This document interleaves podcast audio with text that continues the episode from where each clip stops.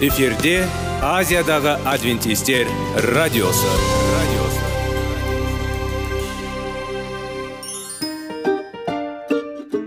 сәлем достар. Денсаулық өмір бұлағы және біздің бірінші байлығымыз демекші денсаулық сағаты рубрикасына қош келдіңіздер. Біздің рубрикада біз әртүрлі факторларменен мәліметтерменен кеңестерменен бөлісіп шын жүректен сіздердің дендеріңіз сау болғанын қалаймыз. Сол үшін біздің рубрикаға қош келдіңіздер. Дайындалып тұрыңыздар. Өйткені келесі минуттарда қызықты фактілерге ие боласыздар. Енді достар ең бірінші байлығымызды қолымызға алып алға кеттік.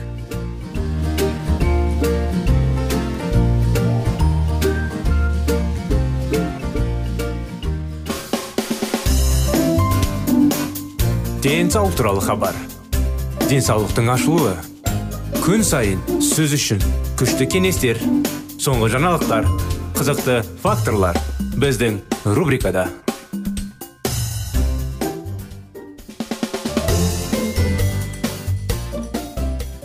қытай зерттеулер тақырыбы денсаулық сағат бағдарламасында ассалаумағалейкум құрметті достар құрметті біздің тыңдаушыларымыз тақырыбымызды біз ары қарай жалғастыра кетеміз қытай зерттеулері барысында байқалған көрсеткіштердің өзара байланысының кейбір жағдайлары батыс елдерінің тәжірибесіне сүйене отырып біз күткен нәрсеге қайшы келді. Жоғарыда айтып өткенімдей қытайдың ауылдық жерлеріндегі қандағы холестерин деңгейінің айтарлықтай өзгеру таң қаларлық жағдай болды. Қытай зерттеу бастаған кезде қандағы холестерин деңгейі бесте екі жетте сегіз қалыпты болып саналды және төменгі деңгейі күдікті болып көрінді. Шын мәнінде ғылыми және медициналық топтардың кейбір өкілдері холестерин деңгейі үште тоғыз. Одан аз денсаулыққа қауіпті деп санайды. Шындығында 1970 жылдардың соңында менің холестерин деңгейімін алтыда жеті болды. Дененің жақын туыстарымда да осындай көрсеткіштер болды. Дәрігер маған бәрі жақсы бұл орташа деңгей деді. Бірақ біз қытайлардың қанындағы холестерин деңгейін өлшеген кезде олар әсер етті бұл көрсеткіш бірде сегіз төртте төрт диапазонында болды. Біз үшін олардың жоғары көрсеткіштері төмен болып саналды. Ал олардың төмен көрсеткіштері тіпті дәрігердің кеңесінен таба алатын кестеде көрсетілмеген. Біздің қалыпты көрсеткіштер туралы түсінігіміз осы елдерге тән тамақтану әдеттерін ұстанатын. Батыс елдерінің тұрғындарына ғана қатысты екенін белгілі болды. Сонымен бізде қалыпты деп саналатын холестерин деңгейі жүрек тамыр ауруларының қаупін едәуір арттырады. Өкінішке орай қазір жүрек қан тамыр жүйесінде қиындықтар болуы қалыпты жағдай болып саналады. Жылдар бойы стандарттар батысқа тән жағдайға сәйкес орнатылады. Сыйып келгенде алынған дәлелдердің бір бөлігінің сенімділігі мен дәйіптілігі негізделген қорытынды жасау үшін жеткілікті деп айтуға болады. Атап айтқанда тұтас өсімдік тағамдары денсаулыққа пайдалы ал жануарлардың тамағы жоқ. Сізге осы керемет алдын ала мүлкіт бере алатын тамақтанудың басқа баламалары болып екі талай жақсы көріну жоғары өсу және біздің қоғамға тән аурулардың көпшілігінің мерзімнен бұрын пайда болатын болдырмау. Қытай зерттеуі менің көзқарастарыма айтарлықтай әсер етті өзі тамақтану ауруды тудыратын дәлелдемейді. Ғылымдағы абсолютті дәлелдерге қол жеткізу мүмкін емес. Оның орнына қандай да бір теория ұсынылады және дәлелдер соншалықты сенімді болғанға дейін талқыланады. Сондықтан бәрі келіседі. Теория барлық нәрсе дұрыс. Тамақтану мен аурудың өзара байланысты келетін болсақ қытайлық зерттеу қолда бар. Дәлелдерге айтарлықтай сенімділік береді. Осы зерттеу барысында зерттелген көрсеткіштер тамақтану ауру және өмір салтына байланысты. Тамақтану мен ауру туралы көзқарастарымызды бұрын мүмкін болмайтындай кеңейтуге ерекше мүмкіндік берді. Осы зерттеудің нәтижелері.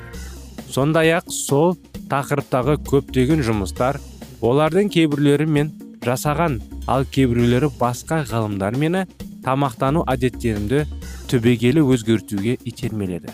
Мен 15 жыл бұрын ет жеуге тыйым салдым.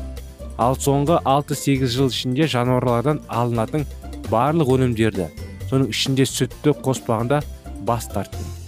Менің жасыма қарамастан қандағы холестерин деңгейі төмендеді. Мен қазір 25 жасқа қарағанда жақсы дене шынықтырамын және менің салмағым 30 жасқа қарағанда 20 килограммға аз. Менің бойым үшін керемет салмақ бар. Менің отбасым да осындай тамақтануға көшті. Бұл менің әйелім кареннің арқасында. Ол барлық тағамдар тартымды дәмді және пайдалы болатын жаңа мәзір құралды. Мұның бәрі денсаулықты жақсарту үшін жасалды. Өйткені менің зерттеулерімнің нәтижесінде мен ұйқыдан оянғандай сезіндім. Бала кезімде мен күніне кемінде 2 литр сүт ішетінімді кәсіби мансабымның басында вегетарианшыларды мазақ еттім. Енді өмір салтымды түбегейлі өзгерттім. Алайда менің өмірім тез зерттеулерімнің арқасында ғана өзгерген жоқ. Ұзақ жылдар бойы мен өз зерттеулерімді жүргізіп қана қоймай басқа ғылымдардың тамақтану және денсаулық туралы зерттеулерінің нәтижесімен таныстым. Біздің зерттеулеріміздің нәтижелері жеке меншіктен жалпыға ауыстырақтан шолу кеңейте түсті. Енді мен алған нәтижелерді олардың фонында бағалау үшін басқа ғылымдардың зерттеулеріне қарастыра аламыз. Екінші бөлім. Байлардың аурулары. Біз күн сайын патшалар мен патшалымдарының сияқты. Ән айтамыз. Бұл бізді сөз жүрек қан тамырлары аурулары қатерлі ісік инсульт альцгеймер сезімдік немесе қант диабетімен ауыратын адамдарды білетін шығарсыз. Сізге осы қиындықтардың бірі әсер еткен болуы мүмкін немесе сіздің отбасыңызда кез келген мүшесі осы аурулардың бірінен зардап шегеді. Жоғарыда айтылғандай бұл аурулар қытайдың ауылдық аймақтарында негізінен өсімдік тамақтарын жеуге болатын дәстүрлі мәдениеттерде салыстырмалы түрде белгісіз. Алайда олар дәстүрлі дақылдардың өкілдері болып ет сүт өнімдері мен тазартылған тағамдары крекер кондитерлік өнімдер немесе сода сияқты көп жей бастаған өздерің сезінеді. Осындай анықтама мен кеңестер құрмет достар бүгінгі күзінде қытай зерттеулер тақырыбында жалғасын келесі бағдарламамызда жалғастырамыз әрине. Келесі бағдарламамызға сіздерге сау болыңыздар дейміз.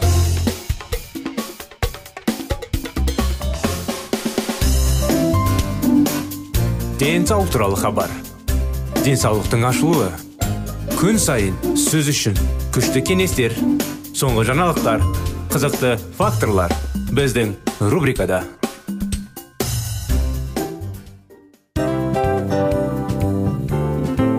Әуелі байлық денсаулық екінші байлық он саулық үшінші байлық ақ жаулық. Ал енді осындай радио парақшадан кейін не дейміз? Барлықтарыңызға денсаулықтарыңыз зор болсын деп тілейміз. Денсаулықтың өзгеруі кішкентай нәрселерден басталады.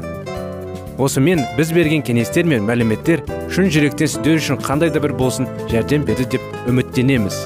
Тыңдаушыларымызбен келесі радио парақшасына дейін қоштассамыз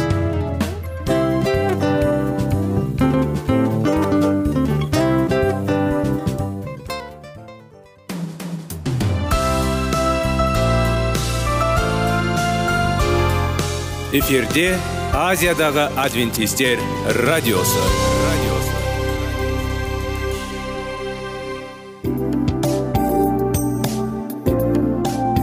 сәлем достар. Барлықтарыңызға шын жүректен сөйлесек рубрикасына қош келдіңіздер деп айтпақшымыз. Шын жүректен сөйлесек бағдарламасы әртүрлі қызықты тақырыптарға арналған. Шындығында шын жүректен сөйлесек деген сөздің мағынасы екі достың екі адамның ортасындағы шын жүрекпен сөйлесуі бір біріне сенуі ашықтық пен шындықты білдіреді. Сол үшін біздің бағдарламалар әртүрлі қызықты тақырыптарға арналған. Дайындалыңыз жаңа қызықты мәліметтерге ие болуға. Ондай болса кеттік.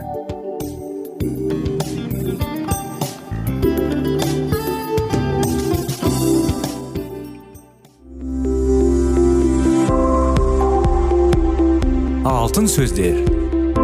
Сырласу қарым қатынас жайлы кеңестер мен қызықты тақырыптар. Шын жүректен сөйлесейік рубрикасында.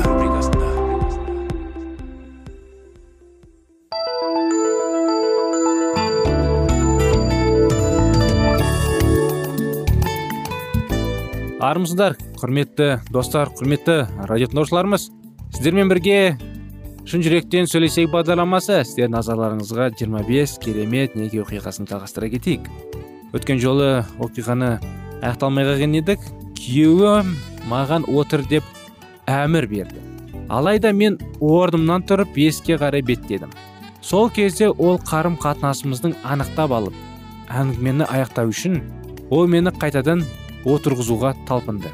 Нәтижесінде мен аяқтарыма ие бола алмай қалдым да еденіне құлап түстім. Мен дереу онымен атып тұрғанымда қолымды сән сәуле тіреуге орналған шам болған еді. Менің күйеуім өз көздеріне өзі сенбестен маған қарап тұрды да оның бет әлметіне зірәсі ұшқаннан көрініп тұрды. Ол мені сен онымен маған не істейін? деп едің деп сұрады. Білмеймін деп міңгерілдім мен. Осы жөнсіз көріністің себебімен біз өзімізді жиып тыныштыққа сөйлесе алдық. Дегенмен мәселенің түп тамыры солайша шеш солайша шешілмеген күйінде қала берді. Арада бірнеше күн өткенде мен түскі ас кезінде өзімнің құрбыммен кездестім. Арада бірнеше күн өткенде мен түскі ас кезінде өзімнің құрбыммен кездестім. Оның менен бұрын тұрмысқа шыққан әйел болғандықтан себебінен мен оған ашылып өзімнің күйеуімен болған ұрыс керіс жайлы айтып беруім керек деп сезіндім. Алайда оған аспа шаммен болған соқтығыстың егжей тегжейін әңгімелеп берудің орнына мен алыстан орағатып сөйлеуді жөн салдым. Мен құрбымнан қашан да болмасын сені мен күйеуімнің араларында келісе алмаушылықтар болды ма? Сол үшін де сенің қолына кенеттен еден үстілік шамды ұстап алып онымен ұрғың келген кез болды ма деп сұрадым. Менің қойған сұрағым сандырақтау тәрізді әсер еткенін құрбым маған таңғала қарады да жоқ деді. Менде болған жоқ деп мен оған жылдам жауап қайтардым. Мен әрине жалған сөйледім. Бәлкім менің құрбым менің сөзсіз оған сұрағымның өзіме көмек сұрау жөніндегі жан айқайым екенімдігін түсініп қалған шығар. Күйеуім екеуміздің де сылтауларын бейшара бола қалғандығымыздың себебінен. Біз өз мәселелерімізді шешуге бел байлаған жоқпыз біз күйеуіміз екеуміз өзіміздің біздің басқа баратын жеріміз жоқ тәрізді сезіндік мәселелер бірінен кейін бірі пайда болып жинақтала берді және барған сайын күрдене түсті бірақ біз осы мәселелер жөнінде кімге барып жолығып айтатынымызды да білген жоқпыз біз қауымға келгенде отбасында өзіміздің ұрыс керіспен өмір сүріп жүргенімізді жан ауруымызды жасырып жүрдік. Біз біздің қарым қатынасымызға түскен сызаттық уақыт өткен сайын ұлғайтып бара жатқанын көрдік. Бірақ онымен не істеуге болатынын білген жоқпыз. Үмітсіздік пен ұятты сезінудің себебіне біздің қарым қатынасымыз жаман болған еді. Енді одан бетер жаманырақ бола бастады. Ақыр аяғында үйдегі шиеленіскен жағдайда да шегіне жетті. Және соңында үйде қопарылыс болды. Біздің жанжалымыздың қызғаны соншалықты күйеуім және де әйелі бір соқты дейді. Күйеу әйелің бір соқты. Осы оқиға дейін біздің күш қолданған кездеріміз болды. Мен оның итеріп жібере алатынмын. Алайда осы жолы мен алғаш рет оны соққыға жықтым. Мен қас қағым сәтте не істегенімді жете түсіндім. Және өзінің мінез құлқымның қандай екендігін білгенде менің құтым қашты. Ал әйелім болса маған есесін қайтарады да жуынатын бөлмеге кіріп алды да есігін ішінен бекітіп алды. Сол күні кешкілікте біз өзімізді сөзсіз бір нәрсемізді жоғалтып алған адамдар сезініп ұйықтауға жаттық. Келесі күні таңертең біз әдеттегідей тұрып жұмысқа баруға жиналдық. Әйелім үндемей жүрді және оның менен алшақтап жүргені байқалып тұрды. Мүмкін біздің қарым қатынасымызда қасиеттілік пен сенімділік жоғалып кеткендігінен де шығар. Біз екеуміз де толық жұмыс күні бойынша жұмыс істедік. Жұмыс аптасынан соңына қарай біздің арамыздағы қашықтық үлкенірек болса бастады. Сол уақыттыларда әйелі сату саласында жұмыс істейді. Ол өзінің аудандағы дүкендері тексере жүріп әйелде жұмыста кешігіне болды және менімен тілдесуден қашып жүрді. Үйге келе салысымен ол менімен сөйлесуден немесе кешкі ас ішуден бас тартты. Кітап оқу үшін тікелей жатын бөлмеге қарай өтіп кететін. Мен ең соңында онымен сөйлесіп дау дамиды жөнге салу үшін демалыс күндері шыдамсыздықпен күтетінмін. Менің берген антым бар. Жастық шақта мен әйеліме егер менің болашақ күйеуім қашанда болмасын шапалақпен бір соғыстан болса мен сол сәтте одан кетіп қаламын деген өз өзіме ант бердім дейді. Мен қиын шаңырақта туып өстім. Және мен қайтадан зорлықты көремін бе деген ой келгенде мен қорқыныш биледі күйеуімнің мені соққыға жыққан кезінде мен бірден осы антты есіме түсірдім. Және мен менің барлық өмірімді өзгерту мүмкін шешімге кездесіп тұрғандай болып шықтым. Менің өз некемді сақтай ала едім. Маған соққы берген адамды сүйіп өтіп оған өзімді арнай алар ма едім. Жұмыстағы менің әріптестерім мені бір нәрсенің қатты алаңдататынын түсінді. Бір бастық әйел не болып жатқанын жөнінде түсініп қалды. Ол маған ешқандай сұрақ қоймастан ақ шұғыл түрде күйеуінің тастауын керек деп ақыл берді. Мен күйеуімнің үйден қуып жіберу үшін демалыс күндерін күттім. Өзімнің әріптестеріммен әңгімелесуден басқа мен сүйіспеншілік қатал болғысы тиіс деген кітапты оқыдым. Осы кітап мені осы жағдайды күйзеліске дейін жеткізу үшін одан сайын шабыттандыра түсті. Сол кезде күйеуім үйге келді алайда ол үйге кіре алмады.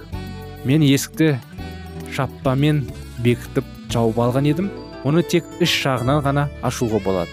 Ол қалай болса да үйге кіре алмайтын еді. Сол уақыттарда әлі ұялы жаңағыдай телефондарда пайда болмаған кезі болатын.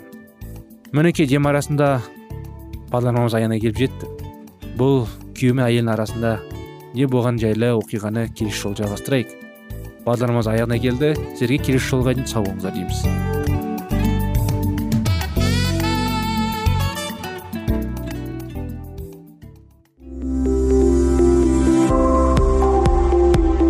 Алтын сөздер. Сырласу. Қарым қатынас жайлы кеңестер мен қызықты тақырыптар. Шын жүректен сөйлесейік рубрикасында.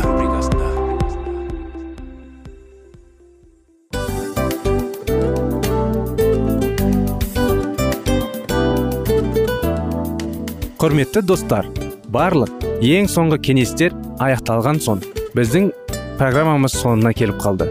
Осы біздің мәліметтер осы рубрикада айтылған әрбір сөздер сіздерге өзінің қандай да бір пайдасын алып келді деп шын жүректен сенеміз. Және бұдан да көптеген рубрикаларымыз бар.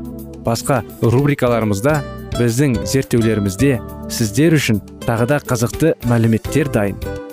Біздің шын жүректен сөйлесейік парақшамызда көптеген әдістер ең соңғы кеңестер адамның нравственность жақтан моральдық жақтан тазалап байыта тұрған соңғы кеңестердің барлығын жанарады. Сондықтан алдыңғы күндерде бізбен бірге болыңыздар. Өйткені барлық қызықтар алдыда. Бізбенен бірге болғандарыңызға үлкен рахмет. Келесі кездескенімізше сау сәлемет болыңыздар.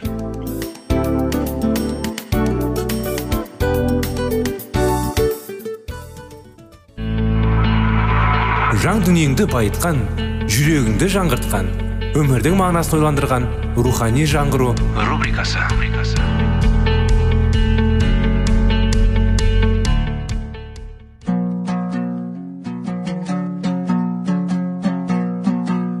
Ассалаумағалейкум біздің тыңдаушыларымыз келі кітаптың шындығын ашып берген қысқа бағдарламасына қош келдіңіздер.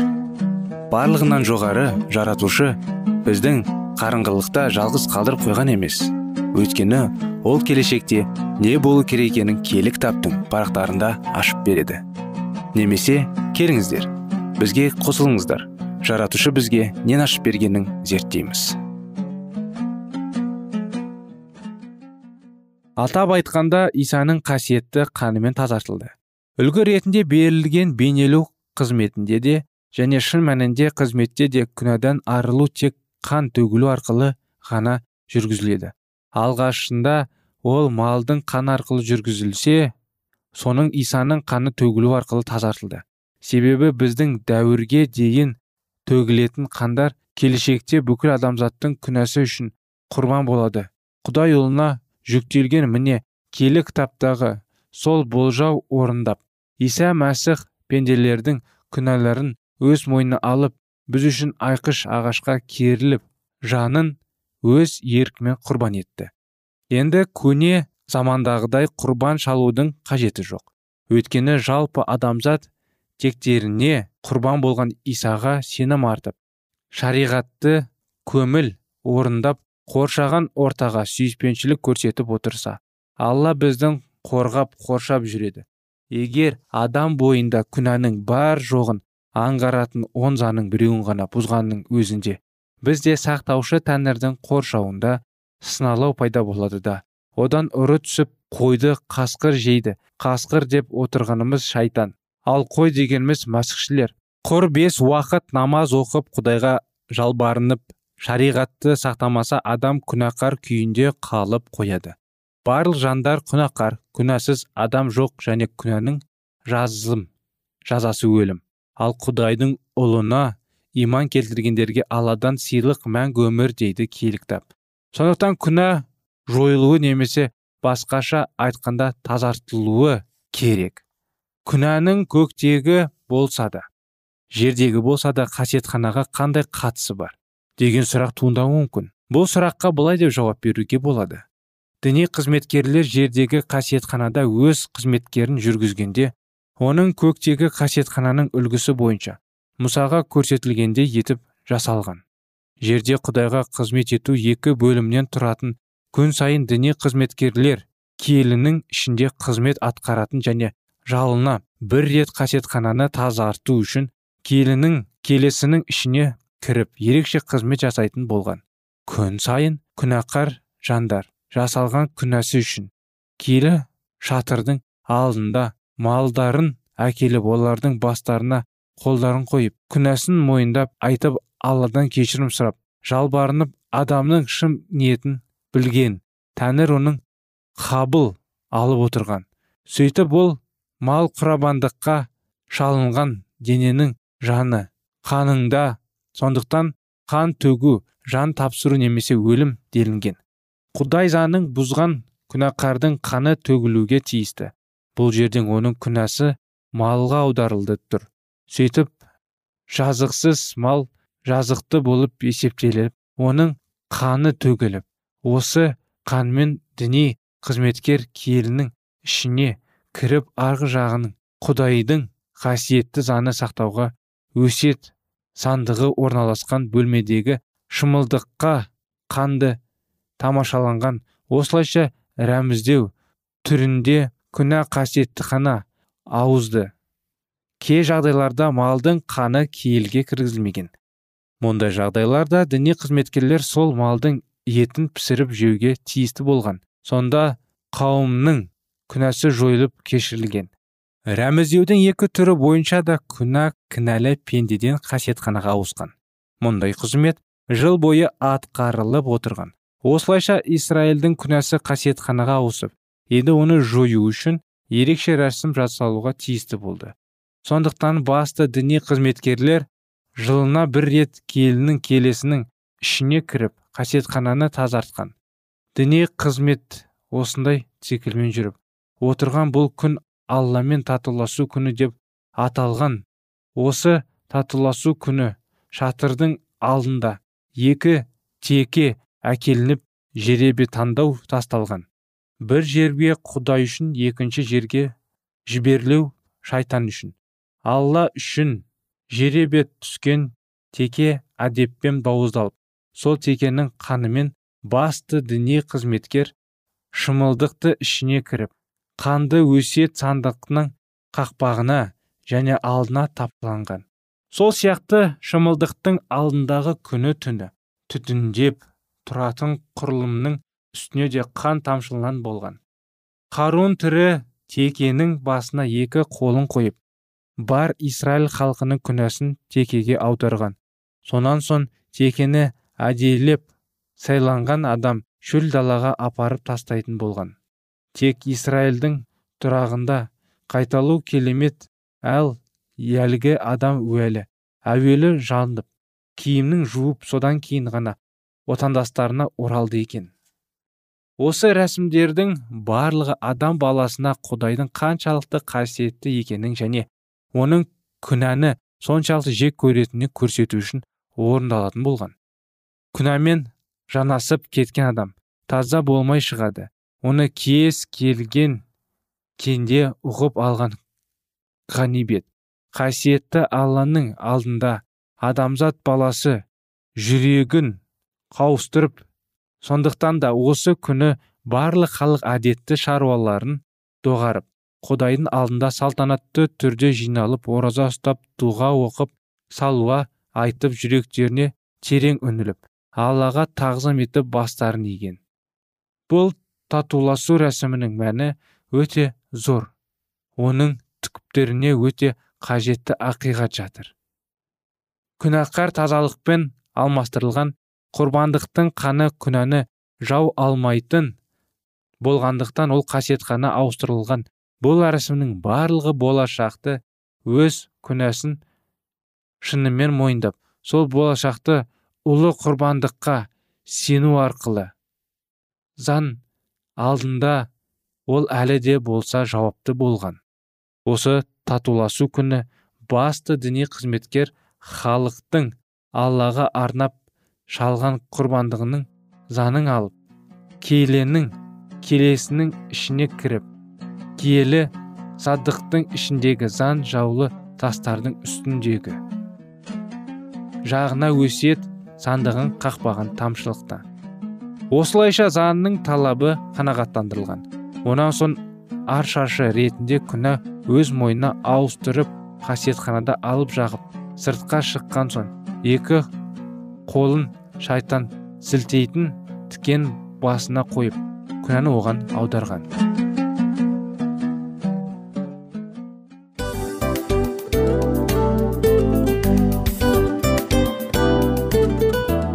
Мынау осы уақыт тез өтіп кетеді екен. Біздің бүгінгі рубрикалардың аяғына да келіп жеттік. Ақпаратымызды парақшамызды қазір ғана бастаған сияқты едік. Соңында да келіп қалдық. Уақыт деген тегі білінбей өтіп кетеді екен. Бүгінгі 24 сағаттың алтындай жарты сағатын бізге бөліп арнаған үшін рахмет. Егерде өткен сфераларда пайдалы кеңес алған болсаңыз біз өзіміздің мақсатқа жеткеніміз. Кеңестерді қолданам десеңіз өзгерістерді кішкентай қадамдардан бастап іске асыра беріңіздер де жасағандарыңыз үлкен үлкен жетістіктерге жете берсін. Шын жүректен әрбір берілген кеңестер сөздер сіздерге пайдасын әкеледі деп сенеміз. Сіздермен бірге кездесулерімізді сөзсіз түрде асыға күтеміз. Сәтті күн тілеп сіздер менің ұзаққа қоштаспай келесі кездескенімізше тек қана сау саламатты болыңыздар дейміз. Достар біздің бағдарлама бойынша сұрақтарыңыз болса әрине сіздерге керекті анықтама керек болса біздің whatsapp нөмірімізге хабарлассаңыздар болады. Плюс бір үш жүз бір жеті жүз алпыс алпыс жетпіс. Иә достар сіздер қателеспедіңіздер бұл біздің номерлерге ұқсас болмаса да бұл whatsapp номер арнайы. Хабарласыңыздар сұрақтарыңызды қойып тұрыңыздар. Анықтаманы алып тұрыңыздар. Плюс бір үш жүз бір жеті жүз алпыс алпыс жетпіс whatsapp номері